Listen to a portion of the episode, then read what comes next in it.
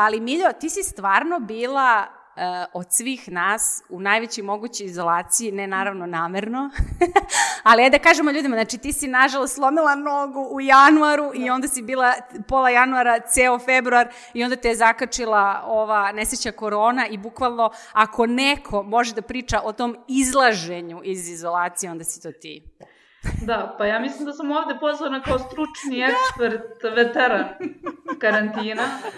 Osjećam se kao general Nelson, ono, posle 58 bitke. A, jesmo mi počeli da snimamo podcast? Pa jesmo, valjda. Super. A,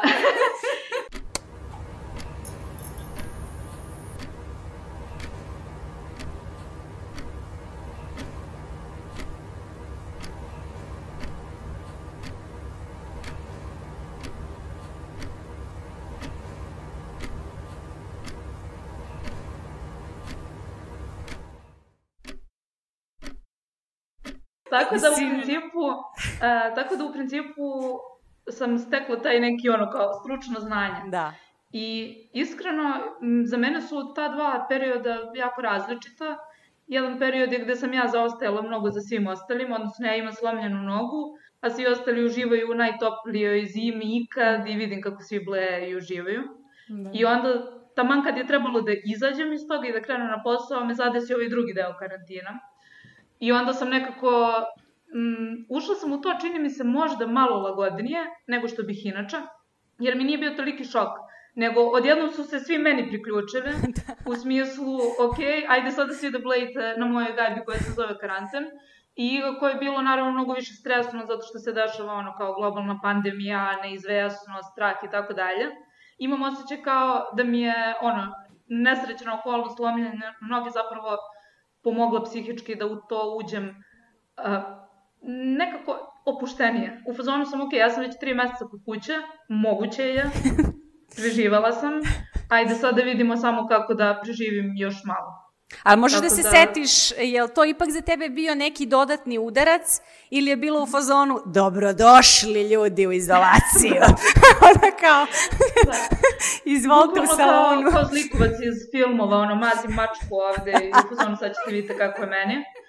A, Mislim da mi jeste bio zapravo dodatni udarac da se nalažemo, zato što sam ja očekivala sve vreme da se to završi i očekivala sam da se i moj oporavak noge završi ranije, pa su onda bile neke komplikacije i tako dalje. Tako da sam na kraju bila, ajde, ajde još i ovo što je sledeće, zombi apokalipsa. Ali to je, to je sve okej, okay, šta znam. Uh, ne bih da sad citiram neke ono pozitivne psihologije kao Što ne, momente, molim te ali, to. Da, ne, možda da, si ti smislila tako... neki svoj quote, baš bi bilo cool u fazonu. E, izašla sam iz izolacije, ali sa šrafom u nozi. Da. Izvini. da. Pazi, sad imam titanijumsku nogu, tako da sam tehnički okay. jako blizu toga postanem roboka. Kiborg. Mogu da kažem da je ova godina toga vrlo uspešna za mene.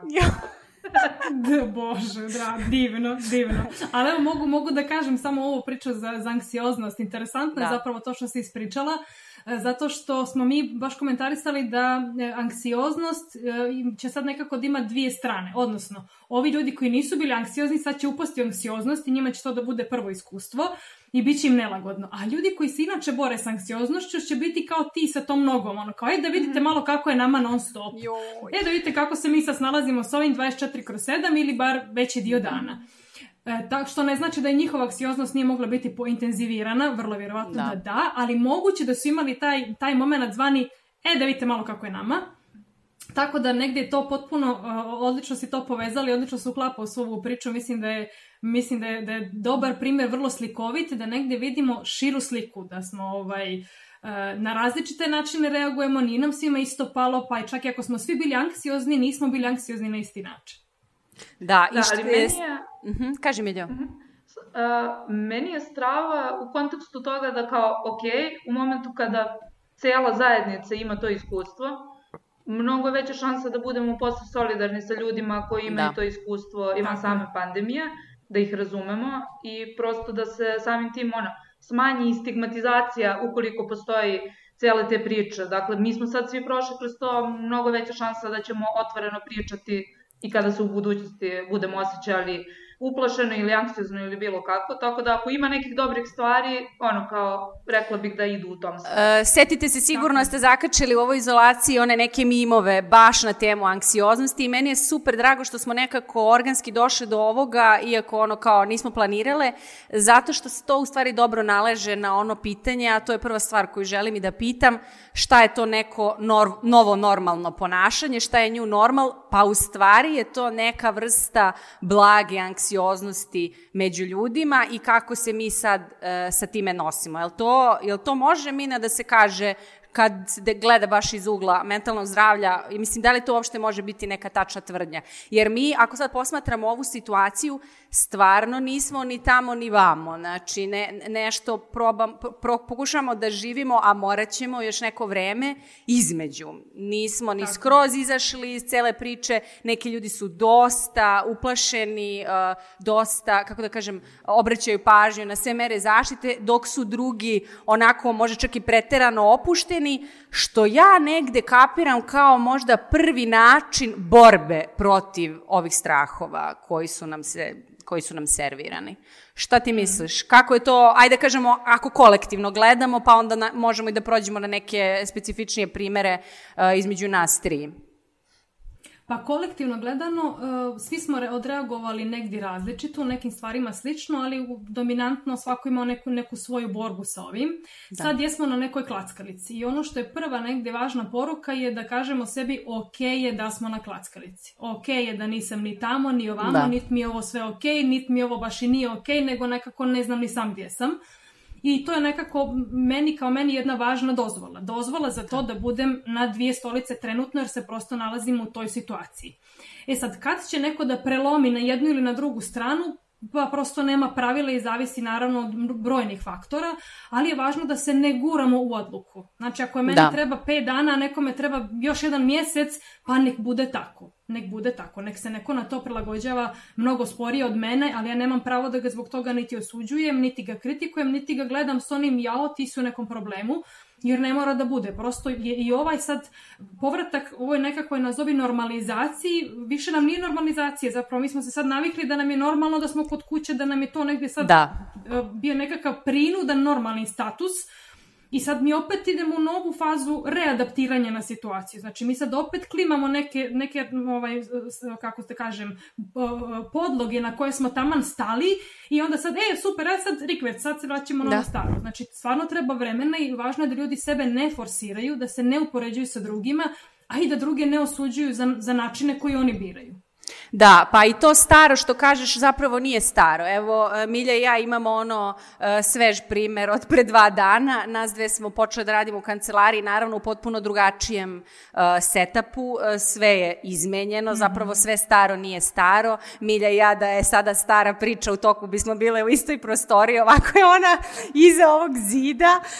Ali, Miljo, ne znam kako je tebi bilo, mislim, ja pa, a, apsolutno razumem ljude koji stvarno žele da drže tu distancu, ali baš imam zadršku, u smislu ja lično ne mogu prirodno da se ponašam. Mislim, ok, da, ja mhm. mogu da se smejem glasno i da bacam fore i ono kao što inače radim, ali stvarno e, to što ne možeš da priđeš ljudima i naravno moraš nekako veštački tu neku um, fazu poštovanja da ubaciš sebi u glavu, kao ok, uh, ne možemo da se grlimo. Meni se desilo kad sam nešto pričala s Miljom, ja još kao došla, e Miljo, baci pet i onda kao, ne, znači, bukvala sam kao klinka neka, imam problem da uh, procesuiram sve vrste ovaj, um, odvajanja u glavi svaki dan, ceo mm -hmm, dan, nekako mm -hmm. mi je baš naporno. Tako je, tako. Miljo, kako je tebi bilo? Mislim, kakvi su tebi ono, uh, prvi neki utisci, ajde da kažem? Po principu, um, ne znam, čini mi se kao da sada više nego ikada I to je ono što nam zapravo i nije toliko prirodno, postaju lične granice jako bitne. Da. Jer pre, na primjer, ukoliko ti meni baciš high five, a ja sam preferirala da to bude rukovanje ili da bude čao džalje, to nije da. problem, razumeš, kao što god. Mali, uh, mala socijalna neugođajnost, na primjer. da. Ali sada, neke tako si, jednostavne stvari, kao što mm. da li ćemo se ja i ti ono kao high five ili zagrliti, mogu zaista da ljudima osobi koja je da. preko puta, koja nisi ti, da donese jako veliku ono kao strahovanje ili neizvesnost. Da. I onda to nije samo pitanje kako se ja osjećam, nego neka vrsta stegnutosti da, nekoga, da nekome ne naruši mir, da ne uplašim nekoga, da Sonji pa ne bude neprijatno zato što ja stavim previše blizu. Da. Međutim, s druge strane, ja sam osoba koja nije previše ono touch feeling, tako da mi je okej okay da bude na distanci budim touch mp3. Ali ono što mi jeste bilo čudno jeste ono kao smanjenje socijalnog života. U da. smislu, da. ja sam i dalje išla na Zoom ili Whereby da pijem kafu, ali sam se mnogo više okrenula i sebi. I sada, pre bih recimo petkom ili subotom baš imala onaj kao FOMO, Fear of Missing Out, ako ne izađem negde, ja propuštam svoju mladost, a evo je 30 za par godina. A sada sam nekako mirnija. Sada sam u fazonu kao, ok, sada ću da radim nešto kod kući, to će biti podjednako vredno kao da sam mhm. otišla i radila nešto u spoljnom svetu. Tako da, ono, vidim neke pozitivne stvari koje su se zapravo izrodile na distanci, koje nam je distanca ono kao dala da, da, da vidimo kako, kako sam sa sobom, šta sam da. sa sobom. E, Mina, samo da se vratim malo na ovu temu, baš bih tebe pitala šta da radimo sa ovim što je Milja sad pomenula, a to je, ok, pod jedan moramo da uvažavamo ljude koji ne žele naravno nikakav kontakt, pa e, što se tiče naše agencije i dalje mi podržamo rad od kuće i e, to je zapravo u većem, e, u većem procentu kod ljudi koji rade kod nas, što je strava, ali za ljudi koji, na primjer, dolaze za ljudi s kojima se srećemo, za možda porodicu ili prijatelje koje nismo sada, s kojima nismo znači bili uh, konstantno u izolaciji, pa kao s kojima imamo prisan odnos, kako mi da uh, mene u stvari najviše plaše onaj moment nekakvog osuđivanja. Mislim, ja upravo to ne želim kao da, da, nekoga, da nekome narušim uh, njegovo uh, distanciranje, odnosno da proizvedem neku vrstu straha, da li ja imam koronu na dlanu ili nemam, da li zato što ja nosim rukavice ili sam spustila masku ili nešto. Uh, kako da u tom smislu i dalje održimo isti odnos, isti kao, kako da kažem, istu komunikaciju sa ljudima, ali kao uz sve sad te neke granice. E, tu sam i, ta, i sama htjela da se vratim jer je, jer je super Milja napravila ovu tu uvertiru. Mm -hmm. e, pa evo, znaš kako, za početak bilo mi interesantno što si ti rekla da ono kreneš pa se rukuješ da. pa hoću pa neću pa kao onda si u glavi ja ogriješim i onda meni ono kao to je to. E, treba sebi da prosto damo svi dozvolu na grešku. Jer dok se ne priviknem okay. na ovo što će se desi, ok, jednom ću da dignem ruku, pa ću da kiksam, možda ću da. s nekim i da se rukujem, ali neću sad zbog toga da sebe proganjam tri dana i da sam u fazonu jao kako sam to smio. Mislim, prosto će te stvari da se dešavaju. I što ih više budemo svjesni, bolje ćemo ih kontrolisati. E sad, ono što je reakcija drugog čovjeka, odnosno to gdje je naša bojazan da mi drugoga ne uvrijedimo time što se nećemo pitati, Pod broj jedan, ne utičemo na, ne, ne možemo da utičemo na ono što će drugi da pomisli, da. E, niti je to naša odgovornost u potpunosti. Ali s druge strane imamo slobodu da to otvoreno kažemo. E, izvini, ja ne bih volio da se naljutiš, ali ajde ono da ispoštujemo ovu distancu dok je još ova situacija ovakva kakva je. Znači, treba biti iskren i otvoreno reći, pa smo time već pomogli i sebi i toj osobi da ako je i imala u glavi vid ovo neće da se javi, ovaj, ili šta sad kao ja imam koronu, ona možda tamo nema, da prosto to čim se iznese na vidjelo, čim se stavi karta na sto, karta postaje manje, manje strašna, ono bude kao relax, bude opuštenije. Strava. Mislim, ja sam, e, da se, da ispričamo priču do kraja, Milja i ja smo se high five-ovala, onda sam ja tri dana kasnije rekla, Milja, izvini za ono, znaš, nisam htjela. Eto, eto, znači, to čisto pro, progonilački onaj glas, a nema potrebe za da. tim. Mislim, evo sad mi pada na pamet situacija, zapravo ne, neće sad ni, ako gledam odnosu na različite narode, neće ova situacija, što kaže Milja, jednako pasti zato što neko prosto samo od sebe ne voli nekako ljubakanje i grljenje, ali ajde recimo da mi kulturološki to negde više, više volimo, da. onako prisan smo narodi. Mi pri neobaveznom ovaj, susretu to budu tri poljubce i zagrle, ono ne može prisniti. Da. prisniti. I sad došao moj prijatelj iz, iz Teksasa, ovaj, koji je onako jedan čovjek širokih shvatanja i sad između ostalog mi smo se dotakli te teme da je kao kod nas LGBT prava nažalost nisu nešto mnogo ovaj, prihvaćena, da kod nas je to ono, praktično tabu nažalost i tako. To i on kao da znam kao da postoje dalje regije u svijetu kod kojih je to kao ono, znaš, um, zabranjena tema i kao sad srićemo neke naše prijatelji i moj muž se, jeli, grli se prolaznikom muškog pola i ljube se njih trojica, desi ti ovo, ono, ovaj stav kao, Pa za ljude kojima, kao kod kojih LGBT prava nisu ispoštovana, vaši momci se baš prisno grle. I, i, I mi kao, Pa vidiš, stvarno nismo o tome da. razmišljala, zapravo, zapravo da, to, je to tako. to su ortaci, to mora. Da, da, da, da. da. Ja tako da, mislim, treba da se desi sad jedna redefinicija socijalnih odnosa, neće nam biti lako, stvarno neće biti lako, bit će to jedan izazov, ali što, što mu ne priči tako, što mu ne priči kao jednom izazovu, jednom jedno, jednom novom zadatku koji treba da se ispuni, koji ne treba da stvara jednu dodatnu frustraciju i strah, jer mislim, ne treba da bude strah, treba da bude samo jedan novi način ovaj ophođenja prema, prema ljudima koji je takav kakav je. A da li misliš, uh, izvini Milo, samo da ubacim, pa možeš i ti pre mene, da li mislite da će ovo na neki način uh, korenito da promeni E, kolektivno, e, ok, hoće ovo sad što smo pričali, svest o tim nekim svakodnevnim odnosima, komunikaciju, ali da li ovo nekako korenito menja ljude? Kad pomenete kao našu naciju i tu neku srdačnost, ja nešto sumnjam da će to e, da se izgubi koliko god vremena da prođe, možda na neki, naravno, period sad, bar ovo što ide nakon izolacije, ali bi mi bilo cool da prokomentarišete da li ovako jedna stvar, jer ovo jeste neka vrsta kolektivne traume, može korenito da promeni ili naciju ili možda čitavu jednu generaciju, možda neki, e, neki deo ljudi koji je nažalost ovim bio najviše ugrožen. Milja, šta si htela? Da, pa ajde prvo, možemo se vratiti posle, Aha. pošto mi ovo što si ti pitala zaista zanimljivo. Ajde. A, moje mišljenje, koje naravno nije stručno, i Mina će posle da da svoje mišljenje, jeste da ovaj događaj, iako jeste neka vrsta kolektivne traume, nije čini mi se, dovoljno dug niti obiman da. kako bi se e, to zapravo poredilo recimo sa drugim svetskim ratom, prvim svetskim Eto. ratom, tako nekim dugogodišnjim izmenjenim stanjima svesti. Sada, ono kao, ukoliko bude sve kako treba i pronađe se vakcina relativno skoro, ovo može da bude samo neka epizoda posle koje mi imamo neku vrstu ono kao promenjena svesti o tome koliko često peremo ruke, Tačno. koliko, kako se odnosimo prema pandemiji kada je celo društvo ugroženo i tako dalje. Ali nadam se ne na nivou traume zbog koje bismo posle imali neke ono, dugoročne negativne posledice. Mina. Mina, šta ti ovaj, ovaj, slažem se, slažem se. Sviđa mi se što šaljemo afirmativne poruke. E, mislim, da je to, mislim da je to jako važno, jer negdje se potencira to priča o traumi i stresu, koja jeste naravno opravdana, ali ja nekako volim da se sagledaju obje strane, da se ne fokusiramo samo na onu negativnu, jer zaista ovo imalo i svojih nekih pozitivnih momenata, neki, makar bilo toga da uvidimo neke važne stvari da. i na koji način prosto možemo da se ponašamo, šta nam sve u životu može koristiti na ovaj ili, da, ili na onaj način.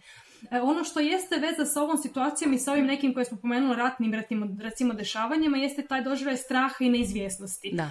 Ali sve drugo se teško može dovesti u vezu zato što je ovo, ovdje su nam bili dostupni značajni resursi, za početak mm. recimo sredstva informisanja koje su jako važna, koje ljudi u ovim drugim okolnostima nažalost nemaju. Mi smo bili čak i over informative, mi smo da. previše se informisali, čak smo bili preplavljeni informacijama, što opet ima svoju negativnu stranu, ali hoću da kažem, bili smo informisani na dnevnom nivou šta se zbiva, gdje se zbiva i e, osjećaj da smo svi u istom, u, istom košu je mhm. doprinio prosto tome da se nekako radi na solidarnosti, na bliskosti, na zajedništvu. Ja, ja, moj generalno glavni utisak upravo taj. Znači, moj utisak uopšte iz ove korone nije uh, iako, je ona nažalost ponila toliko žrtava, ali mislim da je dominantno donila jedan osjećaj da smo kao planeta jedno, da, da, da. da su ljudi zapravo um, svi isti, da svi dijelimo iste strahove, iste strepnje, iste, iste problemi, da smo jedni drugima resurs, a ne jedni drugima uh, prijetnje i opasnost, ka, kako se to recimo ovaj, dešava u situacijama ratnih stanja gdje idemo da. jedni protiv drugih. Ovdje smo svi zajedno, a borimo se protiv trećeg neprijatelja, što je po meni jedino smisleno. Da, strah. A sada bih se vratila samo na -hmm. ovo A, stvar je u tome što mi smo sada, šta mi je bilo zanimljivo, malo pre kada je Mina rekla i Jelica kada su pričala o kontekstu, da smo sada mi na klackalici da. i da praktično si trenutno samo u sadašnjem trenutku. Znači, sve vreme se ni tamo ni vamo. A, pitanje, s obzirom da većina ljudi, uključujući mene, kada želi recimo da izgradi novu naviku ili kada razmišljaš svojim ciljevima, ti uglavnom to razmišljaš u kontekstu planirane budućnosti. Naprimer, u narednih godinu dana ću se posvetiti više tom i tom hobiju, izgradit ću veštinu i tako dalje. Kako da i dalje nekako mi planiramo navike i da gradimo dobre navike, kako da se disciplinujemo ako je sve neizvesno. Razmišljam na kolokvijalnom nivou, to bi bilo kao, dobro, šta sad vredi ja recimo da uh, upgradeujem svoj CV, kada će da udari recesija, Boga piti šta će bude sa ne, neizvesnosti svuda oko nas i tako dalje. Dakle, da li će se ljudi obeshrabriti i kako da se to ne desi? To je pitanje za mene, pretpostavljam. Da. ovaj, pa ovako, mislim da je važna stvar koju nas je korona naučila to da um, su planovi odloživi. Znači, sve može da se odloži. To smo se uvjerili, dakle, mhm. svaki plan, ne znam koliko da je bio važan i veliki i činio se neodloživ, da, može da se odloži. I još jedna važna stvar je da se gotovo sve može uraditi na atipičan način. Meni su to jedna dva mhm. velika i važna saznanja koje ću od sada praktikujem i više nego što sam inače, pogotovo za ovo prvo da je planove moguće odložiti. Znači, to je nešto što e, treba da imamo u glavi, da to što kažeš živjeti sada i ovdje, to, to je to što nas je korona negdje ovaj, uputila na to da jedino s čim raspolažemo i na šta možemo da utičemo, to je danas. Danas je naš resurs. I to je ono što, na što možemo da, da računamo. E sad, kako mi se sebe da privolimo, da se vraćamo uvijek na sadašnji trenutak, to je, moram vam reći, jedan trening, jedan jedna vježba, neće se to baš desiti tek tako, evo i mi psiholozi koji smo godinama u tom nekom treningu živi sad i živi ovdje i ovaj, ne dozvoli da te nadvlada strah od budućnosti, jer strah od budućnosti jednako anksioznost, Ovaj, dakle, i mi sa tim se i dalje svakodnevno borimo, u smislu i meni je prirodno da planiram nešto daleko unapred i ja se iznerviram oko stvari koje se nisu desile, a možda će se desiti, a vjerovatno neće. Tako da mislim, šta da vam kažem, to je prosto prirodno i to je, to je trening. Kad god krenete sa tim dugoročnim planovima koji vas frustriraju pri tome, kažete sebi uvijek, ok, ajde da im šta je danas, šta je sad i šta je ovdje. Ako maštate, a planovi su pozitivni, ne frustriraju ih, go on. ono, to, to je zeleno svjetlo, to možete da radite. Ali ako vas planovi frustriraju, ne dozvolite prosto da se unaprijed opteretite nečim e, što se zapravo nije ni desilo. Evo, recimo, još jedna korisna stvar, možda e, anksioznost je emocija vezana za e, budućnost, znači to je strah od budućnosti. Tuga je emocija vezana za prošlost, znači tugujemo za nečim što smo izgubili ovaj ranije, a emocije sadašnjosti su ljutnja i sreća. Pa tako imajte u glavi, ako ste anksiozni, znači budućnost je, niste u sad, sada i ovdje. Ako vas je uhvatila tuga, od ne to nešto odnosno što se ranije desilo. I još jedna korisna stvar, ako ste recimo aktuelno ljuti zbog nečega što se davno desilo, znači da to nešto niste preradili. Da vi sad trenutno živite situaciju kao da se trenutno dešava, a to je zapravo nešto što je dio vaše prošlosti. Tako da taj neki timeline emocija je moguće isto korisna stvar da vas prizove gdje ste. Jeste li u sada i ovdje? To mi se baš sviđa. Zamišljam već neki grafikon Može lako da se nacrta. E, da. Mina, sada pro, da te pitam još jednu stvar. E, super je što ćemo prvo tebe dobiti gomilu korisnih saveta koji su ono primenljivi od ovog trenutka. Meni je to kao da kažem, pa jeste, najviš, najveća vrednost ove priče. I uh, definitivno uh, o tome smo i pričali, postoji taj jedan da kažem, pozitivni, pozitivni stav, modern, ajde i tako da ga nazovem, prema psihoterapiji, prema odlaženju kod psihologa. Danas je to na neki mhm. način postalo i cool, ti si to čak i nama na taj način i rekla. I strava je što ljudi u stvari razumeju sve veći značaj psihoterapije. Ali da li možeš možda da navedeš neke primere, naravno pomenut ćemo i psihoteku na kojoj si radila sa svojim koleginicama, kako da sam možda ako nemaš uslova da odeš kod psihoterapeuta ili uh, slično, kako sam u stvari možeš da brineš o svom mentalnom zdravlju? Ja mislim, uh, kad ovako razmišljam sama sa sobom i možda sam to od nekoga čula, nije kao da, da sam to iz, nisam izmislila, ovaj, ja mislim da je već kao prvi korak kad kreneš da razmišljaš o tome, o sebi, o svom trenutnom stanju, o tome kako se osjećaš, osjećaš da si već na neki način počeo, e, započeo neki rad na sebi. E sad, šta je, šta je dobro da ljudi dalje urade? E, psihoteka je stvarno e, jedna super stvar koja je nastala u ovoj izolaciji, to je još jedna od pozitivnih stvari koje su se iznedrile i koje ćemo naravno pomenuti. Ja te molim da nam sve ispričaš o tome kako je to nastalo, šta je bio neki cilj, ali i da probaš da odgovoriš znači, na pitanje šta bi bilo cool da ljudi ovako sami sa sobom, uz pomoć možda psihoteke i nekih sličnih alata, već već počnu na neki način sebi da pomažu, pogotovo ako detektuju ovo čemu si pričala, a to je, aha, znači, e, tužan sam ili ljud sam na stvari koje su mi se desile u prošlosti, kako uopšte sami možemo te neke finese da odredimo i šta sa njima kad ih odredimo? Mnogo sam ti stvari pitala, izvini. Sad da kažem, okej. Odakle da počnem? Ajde od psihoteke. Ajde, Ajde da počnemo psihoteke, sad sam htjela da kažem. Znači, psihoteka je za one koji, koji eventualno se nisu upoznali sa psihotekom, zbirka vježbi samopomoći. Znači, e, moje tri drage kolegnice i prijateljice, Jevrosima Pejović, Milana Žujović, Branka Čolević i ja, smo ovaj, na nekim našim neobaveznim Viber dopisivanjima i grupama u toku korone, negdje pri početku sve te priče, razmenjivale neka naša iskustva, naše strahove, bojazni, pa i to kako se naši bližnji nose sa ovom situacijom i onda nam je naravno nekako prirodno bila reakcija da ono, dajte ljudi da ovo što mi pričamo, a pomaže nama, nama dok smo u našoj Viber grupi, što to da ne podijelimo svima, daj da pomognemo kome god možemo. I naravno onda smo shvatile da je to nešto što ukoliko hoćemo da uradimo mora da bude sad i odmah. Znači nema pa ćemo polako pa evo sad ćemo se čuti pa se vidimo za tri dana.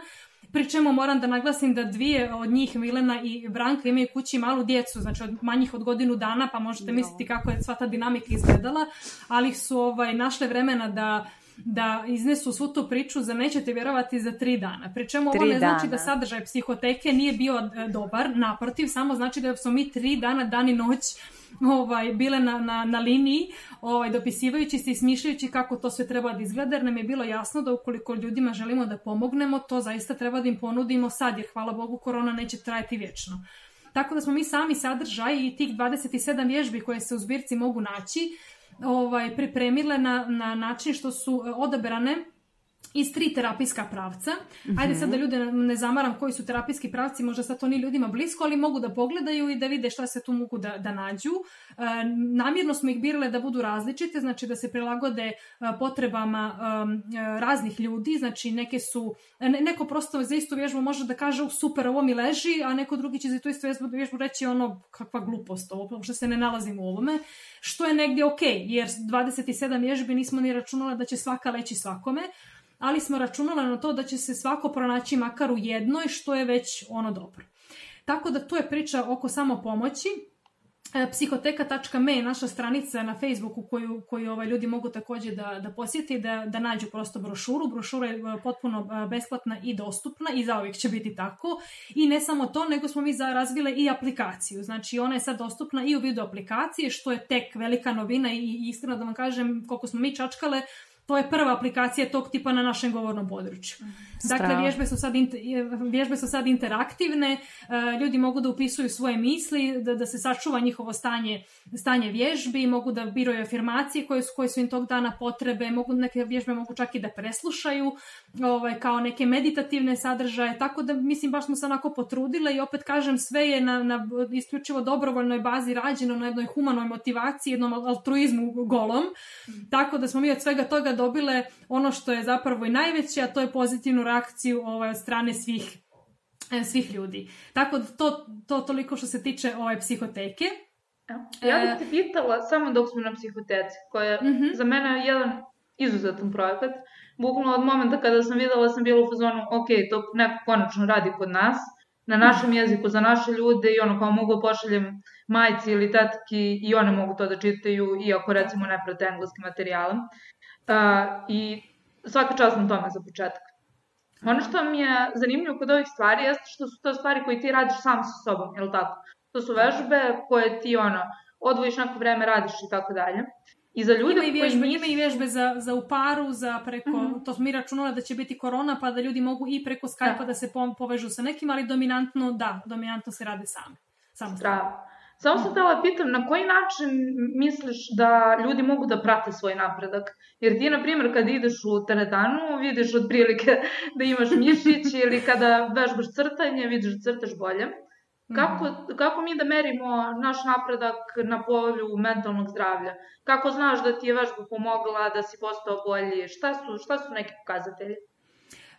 Pokazatelji mogu biti razni, ali evo ja bih sad da ne bih dužila tu priču previše, možda se negdje uhvatila na jedan onako naj, najpitkiji način, a to je recimo ukoliko imate neku emociju koja je negativna, -hmm. skalirate na skali od 1 do 10 aktuelno osjećam na skali 7 recimo. Onda uradim vježbu i vratim se svojoj skali i vidim da li je to palo na 7, na, na 3, na 2 ili se, ne, ili se možda intenzivirala, možda mi vježba uopšte nije legla, možda mi vježba dodatno uznemirila. Tako da to je recimo jedan praktičan način da prosto svoju emociju pretvorite u jednu skalnu vrijednost koju onda možete i da pratite. Eto, mhm. to je recimo jedan, jedno praktično rešenje za, za recimo aktuelnu i trenutnu situaciju. To je super. Ja se izvinjam što nisam bila tu, morala sam, ju, morala sam sama da namestim svoju kameru jer je jer je li izolacija. Ovaj, tako da, e, strava je, ako još uvijek pričamo o psihoteci, čula sam u stvari mhm. mijenjeno da. pitanje, a to je kako da beležimo taj neki svoj napredak i to mi je mhm. super. E, ja samo ću sad, kad već smo uh, u tome, da se osvrnem na jednu uh, zanimljivu vežbu iz uh, psihoteke. Baš bih volila to, to sa Minom da prođem, zato što, a i Milja da mi kaže, šta misli, pošto mislim da je ispratila taj trenutak. E, mi smo u agenciji imali naravno e, grupne kolove s vremena na vreme, mi to ovde zovemo statuse, to je kad se cela firma okupi i pričamo o važnim stvarima koje se dešavaju. E, i onda smo razgovarali šta bi to moglo bude, nekada su bili naravno vezani samo konkretno za posao, za nov način rada, razne su teme tu bile.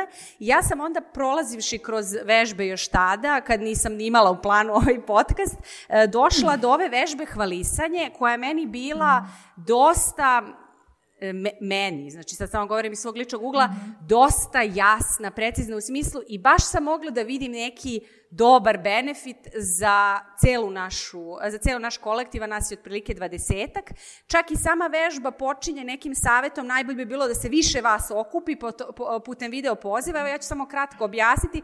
Znači, poenta je da sve neke dobre stvari koje si postigao u izolaciji, ali inače, ili neke stvari na koje si ponosan lično, eh, da su pozitivne, znači za sebe, da napišeš na papiru i da ih pročitaš naglas. Čak je to bila jedna tema, Milja, ako sećaš našeg podcasta u fazonu šta ste radili u izolaciji, da li imate nešto zanimljivo da podelite s nama.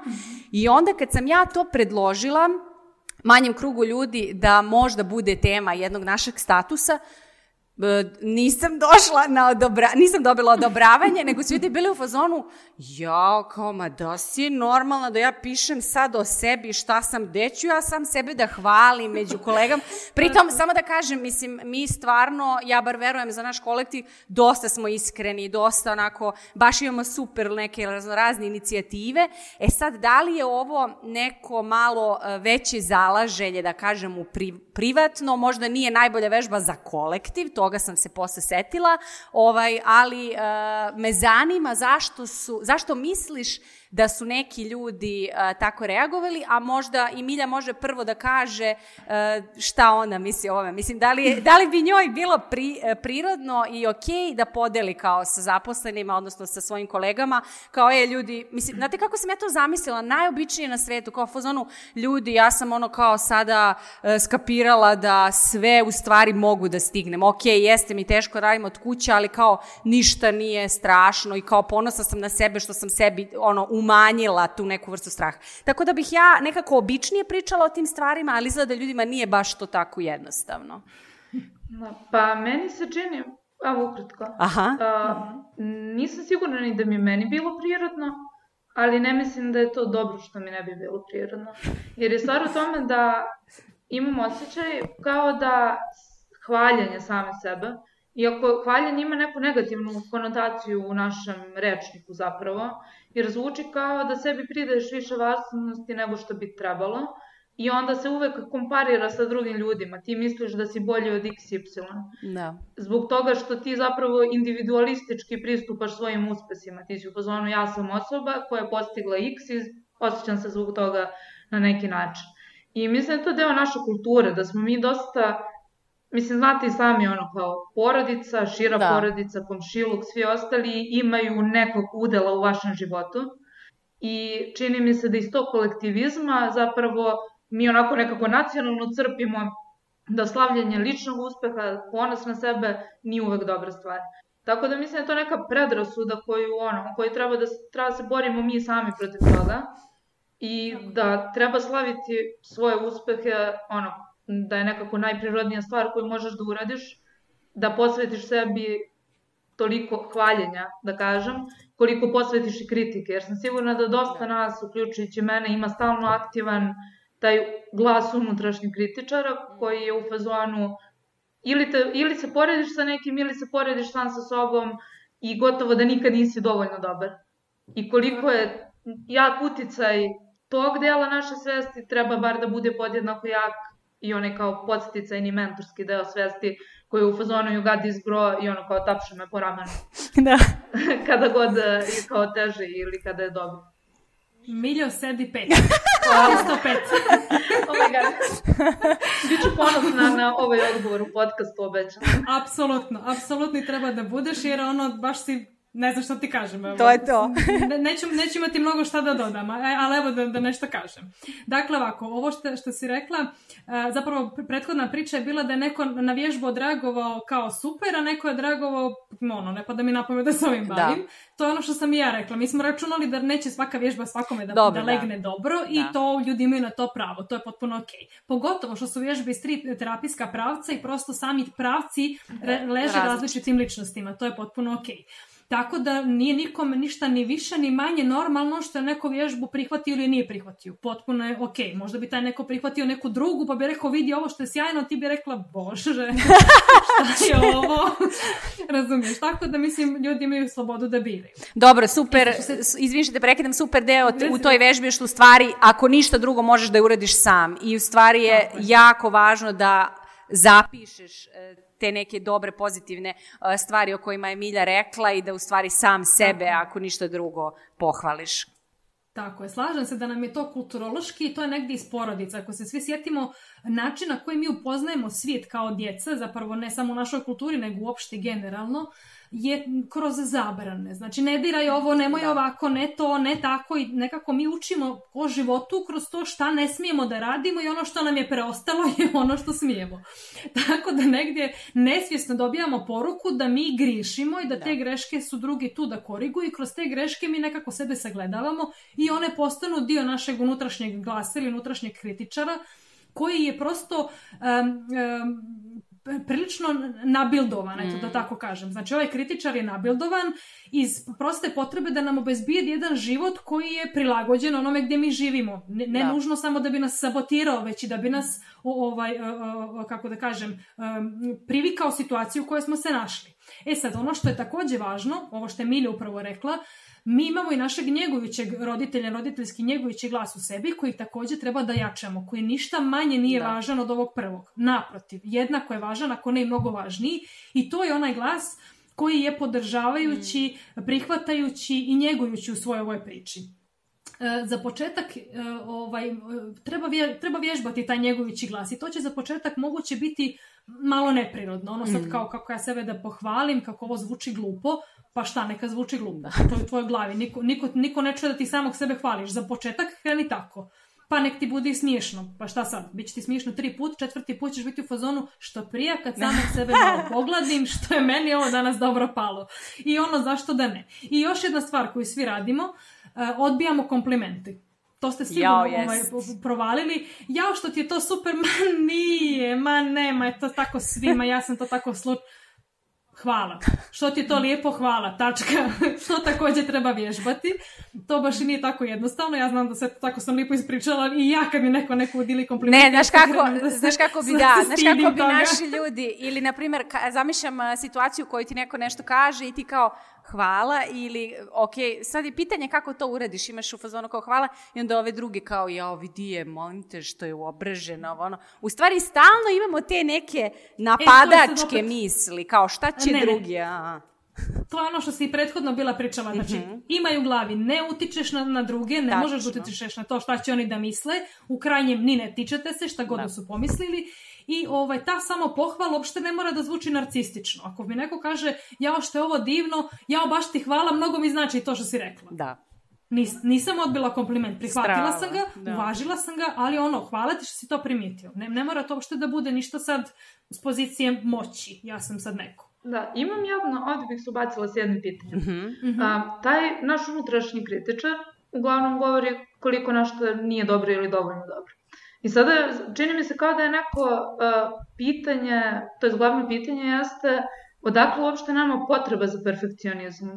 Jer mi, kako odrastaš, posmatraš sve, sve to kod sebe, ono što ti radiš, ono što drugi rade, očigledno je da stvari nisu perfektne i da kao i ne mogu da budu, prosto nije, nije, nije moguće da sve nije bude savršeno. Da li možda iz toga što sada razmišljam na nivou kao malo širem socioekonomskom, da li je činjenica da kapitalizam se zasniva na tome da ti stalno uvećavaš profit i da stalno radiš neku e, inovaciju, da stalno usavršavaš proizvod, usavršavaš marketing i tako dalje, da li mi odatle zapravo kupimo taj neki kontekst i poruke da i mi moramo da budemo bolje? U smislu ti si bombardovan reklamama gde su svi savršeni, gde sve nekako isfiltrirano, sve je lepše i onda kada to porediš sa svojim životom, sa tome što se tebi dešava, prosto nije dovoljno dobro. Da li, da li taj disparitet zapravo hrabri našeg unutrašnjeg kritičara? Odakle on crpi zapravo taj komparativ da nešto nije u redu? Ako ja pogrešim recimo 8 od 10 puta, to za mene nije u redu, ali zapravo kao... To je ako pogrešim 2 od 10 puta, to za mene nije u redu, ali mhm. zapravo si u većini slučajeva ti ono kao uradio sasvim okej okay posao. E, pre nego što Mina odgovori, ja samo da se ubacim, mislim da mnogo na to, Milja, što si pitala, utiče neki doživljaj ličnog rasta i razvoja, ne nužno socioekonomski uh, trenutak, jer uh, mislim da je to i do odrastanja i do nekog vaspitanja i onda ako si stalno podstaknut da uh, se negde challenge da se izazivaš, da uh, napreduješ u tom smislu, meni delo je da ima nešto i tu, u smislu uh, neke manje jedinice, uh, kad kažem, znači porodi porodica i odrastanje. Mm -hmm. Tako, ja ću se složiti sa objema. I reći jedno i drugo. Da, da je, jer je jedno i drugo. Upravo je jedno i drugo. Znači, uticaji su na nas neprekidni i stalni, od kad smo djeca pa do, do, do starosti. E, kaže se negdje i vjeruje se da su najsnažniji ovi uticaji iz djetinstva. Međutim, e, sve više se pokazuje da su veoma snažni uticaji i tokom kasnijeg odrastanja i sazrijevanja, tako da sve to prosto doprinosi nekim našim unutrašnjim sadržajima koji se s vremena na vrijeme koriguju. E sad, osim što se koriguju u tom smislu moguće i na negativan način. E, zapravo osnovni izvor e, psihoterapijskog potencijala je to što mi imamo uticaj na naše misli i na ono što se dešava sada i ovdje. Znači to da nema tog, tog dijela, da je samo taj uticaj iz djetinstva važan i da se tu sve završava, pa psihoterapija ne bi imala smisla, da? Da. A pošto ima smisla i da mi imamo kapacitete da se izborimo, imamo kapacitete da promijenimo i ranije odluke, i ranije obrazce, i ranije uh, uh, poruke koje smo dobijali od drugih, onda nam to daje i, i validnost da se aktualnoj, u aktualnoj situaciji, a i u budućnosti.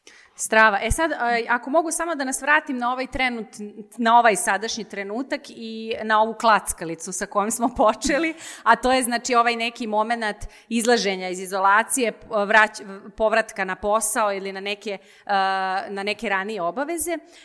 Super je što smo pomenuli što, super je što smo pomenuli taj neki odnos prema sebi. Ja bih samo da se ovaj osvrnemo na ovo naše neko podneblje gde ljudi negde po defaultu smatraju da su hrabri i izdržljivi, pa tako i u ovoj uh, situaciji, ja, izgleda da mi je... Aha, samo sekund da ponovim ovo poslednje, izvinite. Nastavljamo sve, ok, samo da ja... A, card full. Moram da za, zame, sa, zamenim memorijsku karticu, ali vi budite tu, nećemo prekidati vaše snimanje. Dobro. E, small talk, drugo polovreme. da, da. Šans. Ali možemo mi da nastavimo zapravo sa pitanjem, pa ćemo videti da li će Jelica ponovo ponoviti, a to je pitanje, a, ljudi generalno ovde imaju ono kao neku fasadu i dosta mhm. često se glorifikuje to kao trpljenje, bez toga da ljudima kažeš da nisi dobro ili da ti je teško i tako dalje. I onda je pitanje kako Zašto nije dobro da se ponašamo kao da je sve ok kada nije? I kako generalno sebe vežbamo da budemo nekako iskreni bez obzira što nam se čini da će neko da bude u fazonu ono kao potrudi se malo pa, pa će ti biti bolje ili će nas osuditi, kritikovati na neki način. E. Želi, ja sam postavila mini pitanje tako da možemo samo da se... Naravno, naravno. Nast. Of course. Pa kao i sve u psihologiji, znači u psihologiji u radu na sebi. Znači potrebno je vrijeme, potrebno je, potreban je trening i potrebno je stalno vježbanje. Znači neće nijedna promjena da se desi od danas do sutra i tako što ću ja jednom sebi nešto da kažem i to će sad iznenada strašno da mi legne i ja sam sad promijenio svoj život s tom jednom rečenicom. Ne, neće to baš tako da se, da se desi, nažalost. Tako da potrebno je ovaj, da, da smo stalno u kontaktu sa svojim mislima i da, i da ih stalno negdje preispitujemo i da ih dovodimo, eh, da, da im kontriramo. Pogotovo ako vidimo da su to neke samo, samo sabotirajuće misli i neki sadržaj koji nas prosto vuku, vuku nazad.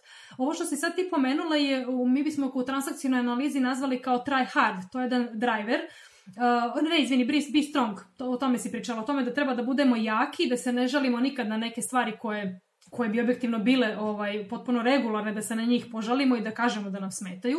Znači, to je jedan uh, praktično nesvjesni mehanizam koji se, koji se aktivira samo od sebe. Znači, kada je situacija stresna, stresna, a ja upadnem u ono, e, nećeš. E, sad ću ja to da se izborim s tim, e, sad ćeš da vidiš. Takozvani, ovaj, takozvani inat na ovim našim podnebljima dobro recimo, radi. recimo, a zašto recimo. to nije dobro? Da stalno... Nije dobro jer ne radi. Nije dobro jer ne radi. ovaj, dovodi u frustraciju. To je poenta priče. Možda za kratke staze on ima neki taj, tu neku početnu inerciju, da nam neki impuls, ali boga mi ako smo u tom impulsu duže vrijeme mi se potroši smo, a na kraju se žestoko isfrustrira smo i ne postigo smo ništa. Mm. Tako da poenta priče je uh, be strong, try hard, sve to znači no no, ostaviti po strani. Čini nam se da su to naši pokretači i mogu biti inicijalno na kratke staze, ali na duže staze to su uglavnom naši saboteri. I to tu treba naučiti praviti praviti ovaj, jasnu razliku. E, meni se sviđa, sigurno znate za onu krilaticu i ceo, ceo pokret, da kažem, na Instagramu, koje je pokrenula Jana Oršolić, u pitanju je samo nežno prema sebi profil, jako lep, lepa rečenica koju su ljudi čak da počeli da tetoviraju na sebe, imaju odličan, imaju odličan, kako da kažem, i celu priču oko toga, dizajn i tako dalje. I ovo zvuči baš dobro, samo nežno prema sebi. zvuči stvarno strava, mm. ali uopšte nije tako lako i upravo je različito od ovoga o čemu smo sada pričali.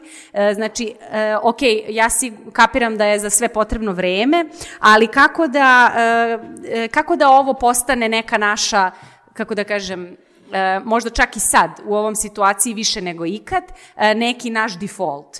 E, setite se slavne Ruške Jakić koja je ustala svako jutro i pred ogledalom rekla, govorila sebi dobro jutro lepotice, e, ali e, mislim da možda to nije baš samo dovoljno, ok, to je neka vrsta e, ovaj boosta i ono kao osnaživanja e, u, pogotovo što pominje to lepotice i tako dalje, ali e, samo nežno prema sebi je, čini mi se, baš dobar način da se ovo e, try hard malo prenebregne, odnosno da ga zameni, ali čini mi se i da može dosta da promeni neki naš odnos Uh, ukoliko to uspemo uh, da dosegnemo, uh, da promeni naš odnos prema drugima i u toj nekoj komunikaciji da se zapravo stvara jedna mnogo bolja harmonija nego što, nego što, nego kada je situacija obrnuta, kada si prema sebi strog.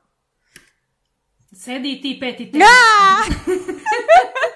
Gotovo, prekidamo. Šali se.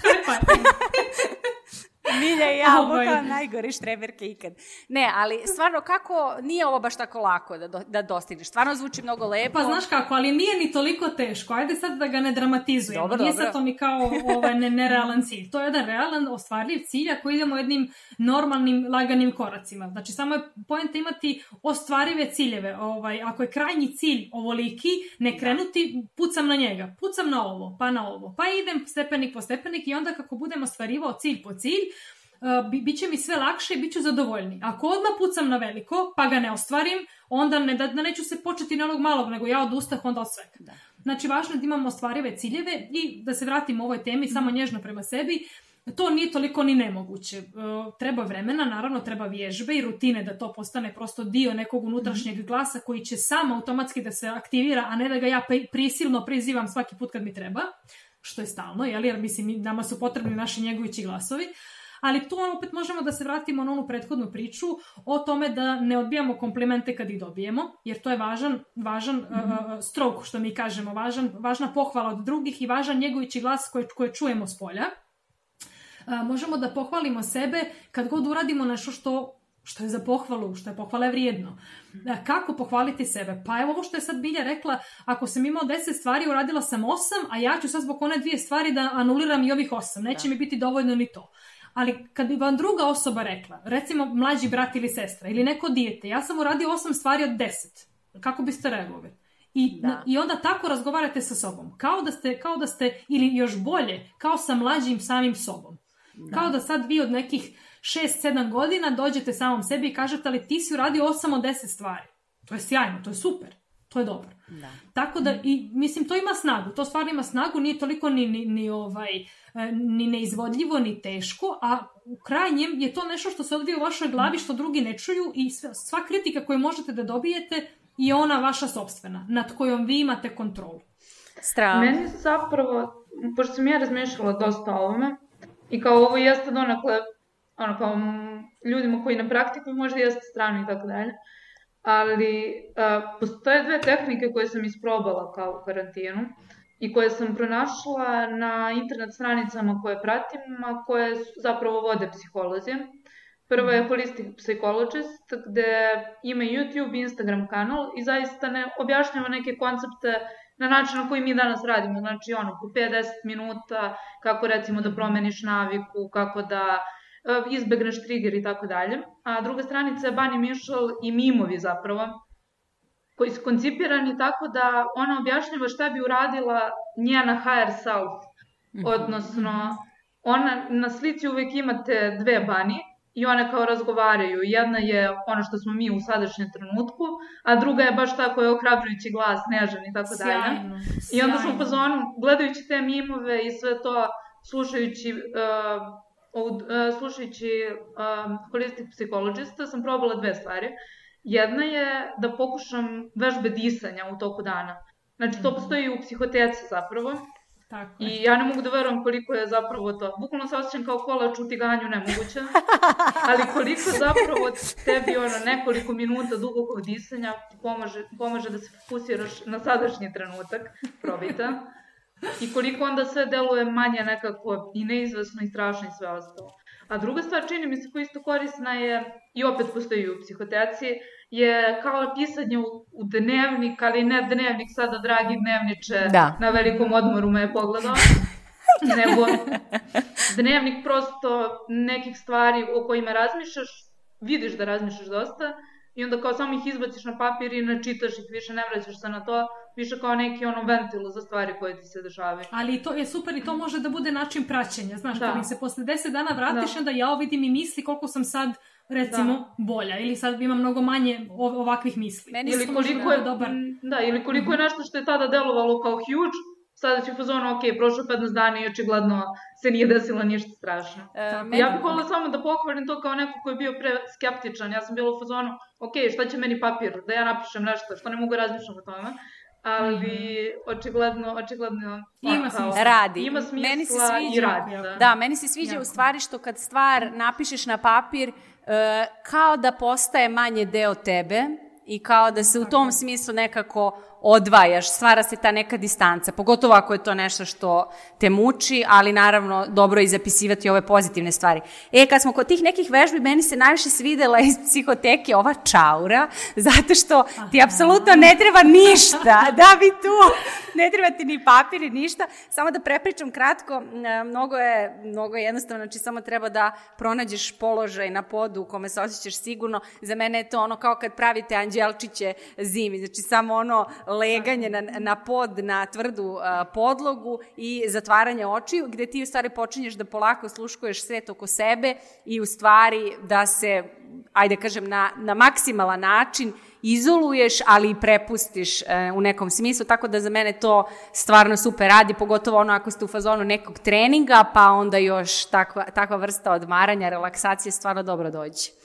Ali ona ima još jedan moment važan, osim toga da se relaksiraš u tom trenutku, vježba te poziva da, taj, da to osjećanje prizoveš sledeći put kada se nađeš u situaciji neke tenze i nelagodnosti, da Da. prizoveš taj tvoj osjećaj bezbjednosti na nekoj tvrdoj podlozi unutar neke tvoje imaginarne čaure u kojoj se ti osjećaš bezbjedno. To je, to je, to je super moment mentalizacije da. stanja koje, u kojem se ti bio uh, bezbjedan i, i negdje siguran i zaštićen ovaj, u, u imaginarnoj čauri. E, Mina, kako smo već pomenuli neke uh, super um, kredibilne, da kažem, izvore koje ljudi mogu da prate, da, što se mhm. tiče uh, mentalnog zdravlja na Instagramu ili na drugim platformama, uh, bilo bi super da s nama podeliš i ne, e, još par izvora i da naravno ostavit ćemo ih dole u opisu ovog videa, e, prosto da ljudi mogu da čekiraju i da, da, da ovaj, zaprate ako ih zanima.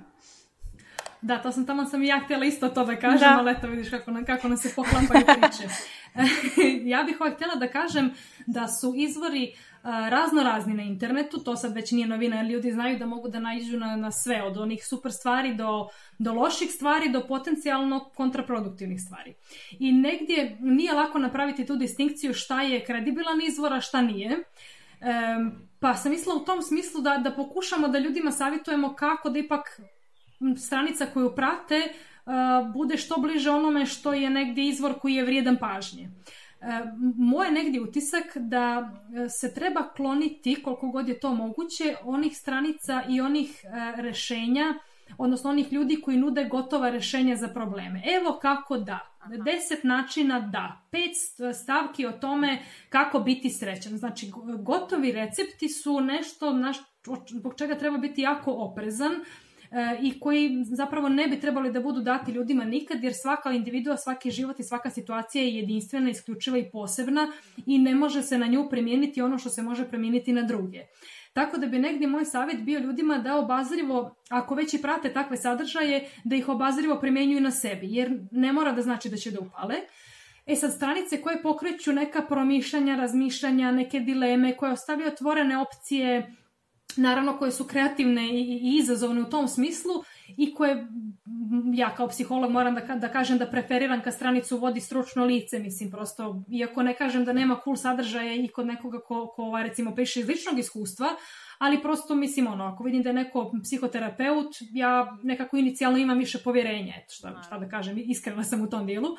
E, tako da, eto, ajde sad, sad recimo prilika da pomenem i ove stranice koje ovaj, vodimo naš četiri, budući da smo se mi na psihoteku uh, sastale kao tim psihoteka tek prije, evo, mjesec dana koliko ima, iako se zapravo družimo i, i ovaj, sarađujemo na različite načine već deceniju. Uh, svaka od nas naravno ima neku svoju stranicu koju vodi.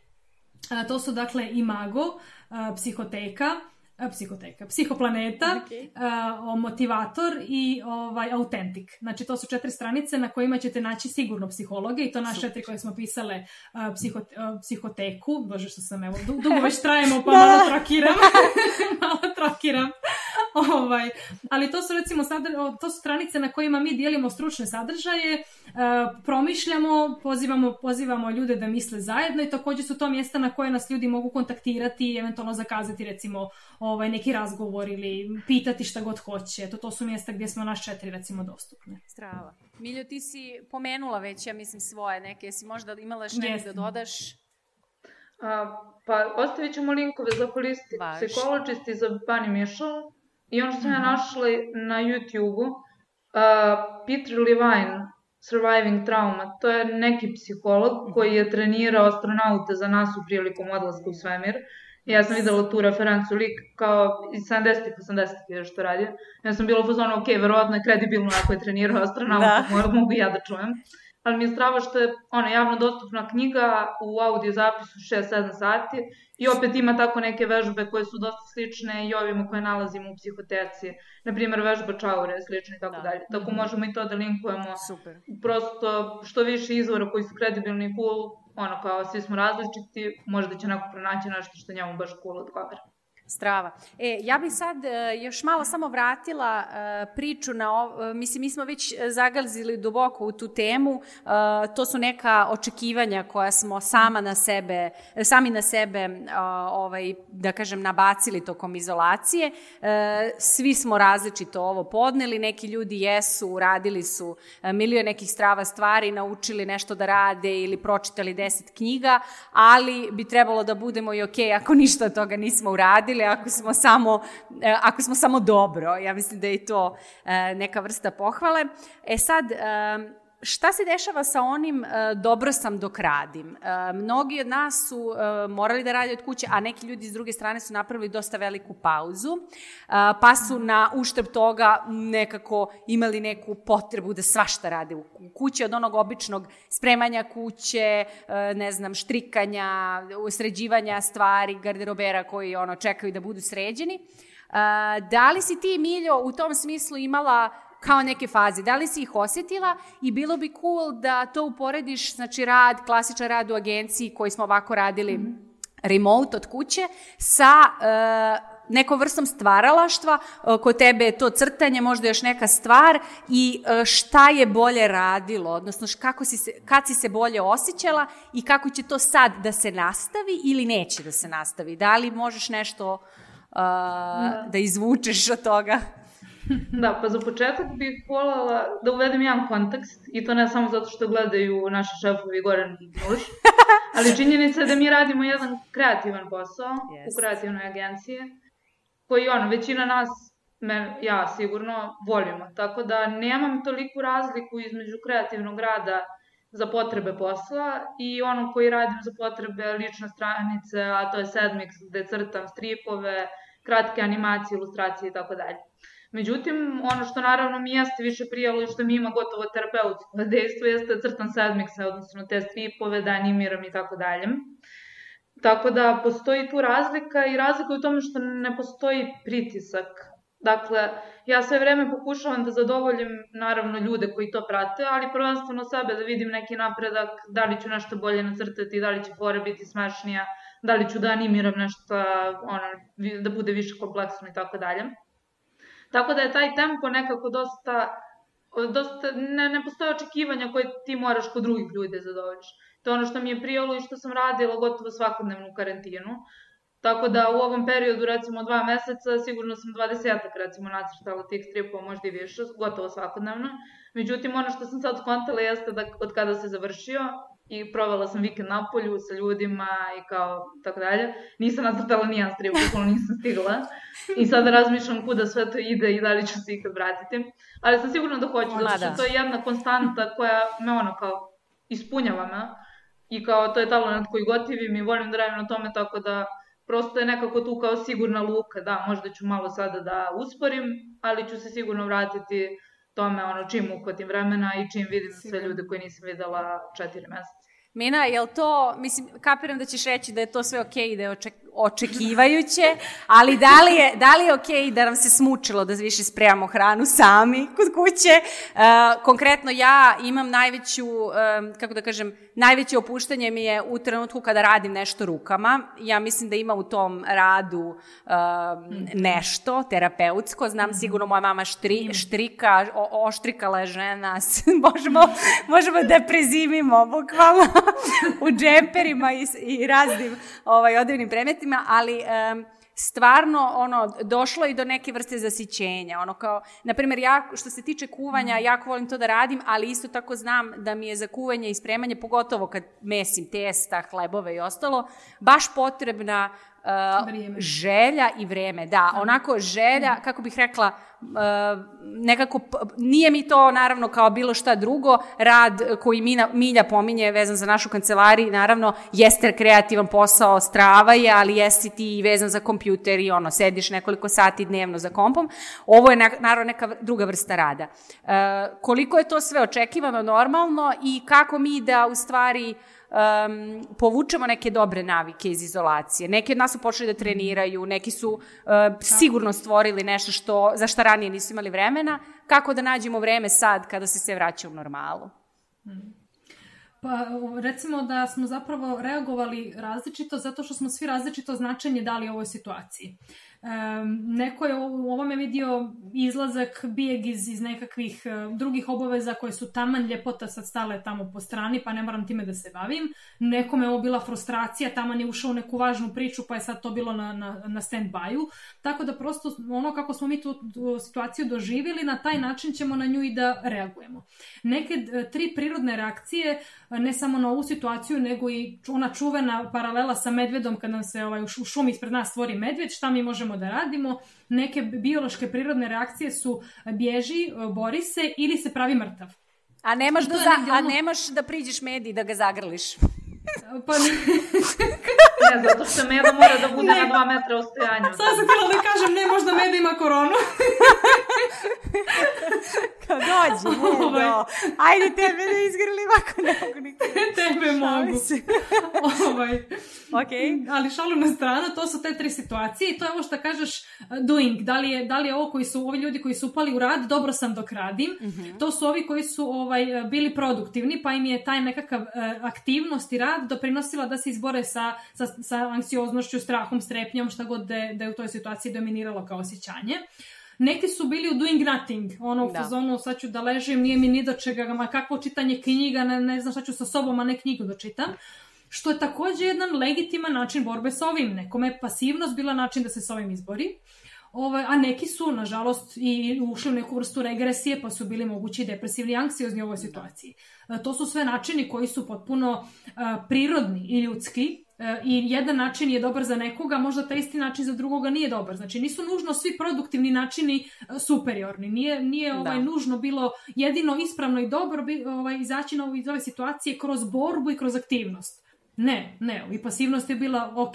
Tako da je važno da ljudi negdje sebi daju dozvolu da onako kako su proveli taj period, neka su, to im je prijalo, tako im je odgovaralo, tako su taj, taj vremenski period odlučili da potroše i šta sad? Ma ako je nešto izmaklo, pa nadoknadit će se, ni ovo baš trajalo godinama, pa da smo sad izgubili ne znam kakvo vrijeme u životu, za mjesec dana šta god da je propušteno, vrlo vjerovatno da se lako može nadoknaditi i vrlo vjerovatno da one aktivnosti koje smo u, u, u ovom karantinu prisvojili, a prijaju nam, da će svako od nas naći neki način da ih, da ih sa te klackalice prebaci na ovu stolicu kad upadamo u, u, onu, u onu staru, staru kolotečinu, stari način života.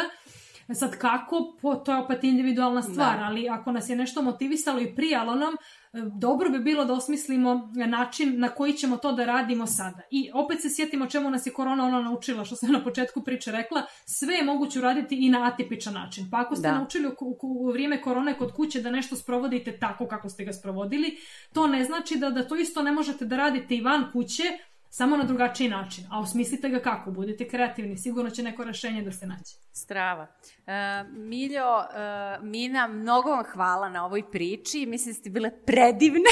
Šali se. Ovo je sad ono hvaljenje. Mislim da uradimo, treba, da uradimo već vežbicu na kraju. Ne, stvarno, da, da, da. sad uh, mislim da smo stvarno uh, dotakli baš neke značajne i bitne teme. Kad sam s Miljom pričala pre samog snimanja, rekla sam joj, mi ćemo u stvari biti na, nekom, na nekoj mini psihoterapiji sa Miljom, ali u paketu, ti i ja zajedno. I to jeste neka vrsta, e, kako da kažem, e, ja verujem da smo u stvari ovom pričom pokrili razne teme koje se ljudima sigurno dešavaju i ja sam apsolutno uverena da će ljudi naših godina, pa i stariji i mlađi, sigurno se prepoznati bar u nekim, bar u nekim pitanjima. Super, imamo baš dobre preporuke, apsolutno ću se potruditi da ih ostavimo u potpisu, da svi mogu da zaprate sve što ih zanima. Ako imate nešto da dodate ili neku, kako da kažem, overall, uh, overall savet ili pozdrav za kraj, bit će mi čast da to saslušam. Bilja, ćeš ti? pa u principu smo pokrili sve stvari i ono što, ne znam, nakon ovog razgovora, ja mogu kažem lično, a nadam se i slušalci, nekako mirnije čekam budućnosti leta. Da. Kao, radujem se da vidim šta će, šta će da bude dok ćemo da doguramo. A ostalo nam je jedina stvar e, koja je meni bila zanimljiva iz pripreme, a to je kako ste se osjećali prilikom prve šetnje nakon a, te da. prve očekivane šetnje nakon dva meseca ili u mom slučaju četiri meseca. Tako da, moj neki zaključak je da je šetnja lepa samo dok se čeka, dok se samo nadate da. Jer sam na kraju izašla napolje i pritom sam se spremala neko nenormalno vreme, zaboravljala stvari, skontala da ja uopšte ne znam kako inače, ono kao popamtim šta se treba dok izađem. I onda sam kraju izašla i bilo u fazonu nemoguće da je meni uvek koliko trebalo vremena, da li sam ja zaboravila zapravo kako da se socijalizujem, šta da pričam s ljudima. Tako da ne znam koji su bili vaši. Mi... Meni, meni je šetnja prijala, ovaj, zato što sam je bila žena, ja sam veliki šetač, mada sam i trkač, ja ovaj, trčim na ovih ove kraće staze 10 km, nisam baš stigla nikad do polomaratona, ali ovo prijala mi je, prijala mi je priroda, ja sam jako veliki ljubitelj prirode i onda mi je to bilo ono kao ja konačno kiseonik i konačno vazduh. Tako da što se tog, tog dijela tiče, tu nemam nikakvih unutrašnjih konflikata, to je bilo jasno. Prija mi, želje mi prija. Strava. E, pa super. E, Mina, hvala ti e, još jednom puno. Pozdravi celu ekipu iza psihoteke. Jako nam je Računajte drago. Računajte da vas cijela, cijela ekipa puno grli i ljubi i mi smo presrećni što ste vi ovaj došli do nas i što smo imali priliku da ovaj, ovoliko naširoko i nadugačko se dotaknemo svega. Meni je bilo predivno, prezanimljivo. Ovaj, vas dvije, dvije sjajne štrebete, ja treća, treća s vama. Tako da se nadam da ćemo mi da se družimo i o nekim drugim prilikama, moguće nekoj prirodi. Naravno. Hvala puno još jednom, devojke, da, i da, naravno. bye. Čujemo se opet. Ćao! Ćao, ćao, ćao.